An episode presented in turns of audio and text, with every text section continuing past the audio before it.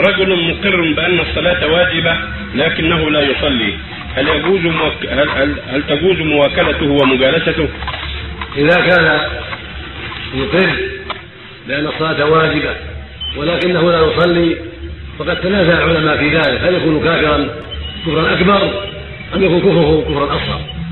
على قولين المعروف عن الصحابة رضي الله عنهم وأرضاهم أنه كافر كفر أكبر لا أصغر. وأنها لا تجب مناكحته ولا السلام عليه.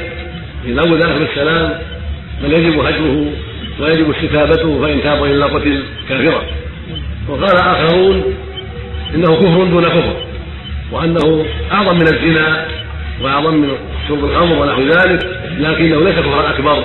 إذا كان مقرا بأنها واجبة عليه ولكن غلب عليه الهوى فتركها قال كثير منهم إنه كفر أصغر. ولكنه فوق الزنا وفوق شرب الخمر وفوق بقية المعاصي. ولكنه يغسل إذا مات ويصلى عليه. هكذا قال جماعة من العلم. والصواب القول الأول. الأرجح القول الأول وأنه كفر أكبر. وأنه ما دام لا يصلي فإنه يعتبر كافرا. ويجب أن يستتاب فإن تاب وإلا قتل كافرا ويفرق بينه وبين أهله. وأن لا يغسل ولا يدفن في مقابر المسلمين ولا يرثه أولياؤه من المسلمين. بل يكون لبيت الناس إذا كان له مال. نعم نسأل الله والدليل على هذا أحاديث بل آيات والله جل وعلا أخبر سبحانه وتعالى في كتابه العظيم عن الصلاة وشأنها وأمر بها وحث عليها في مواضع على في مواضع كثيرة. كما قال عز وجل وأقيموا الصلاة وآتوا الزكاة واركعوا مع الراكعين حافظوا على الصلوات والصلاة الوسطى. إلى غير ذلك. وأخبر النبي صلى الله عليه وسلم أنها عمود الإسلام.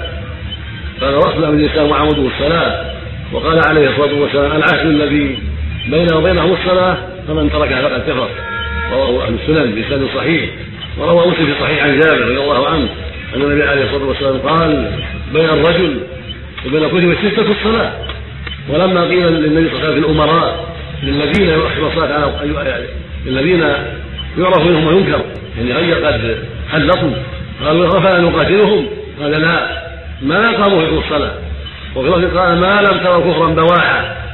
ففسر كفر البواح بعدم إقامة الصلاة. فمن لم يقم الصلاة ولم يصلي فقد أتى كفرا بواحا أعوذ بالله.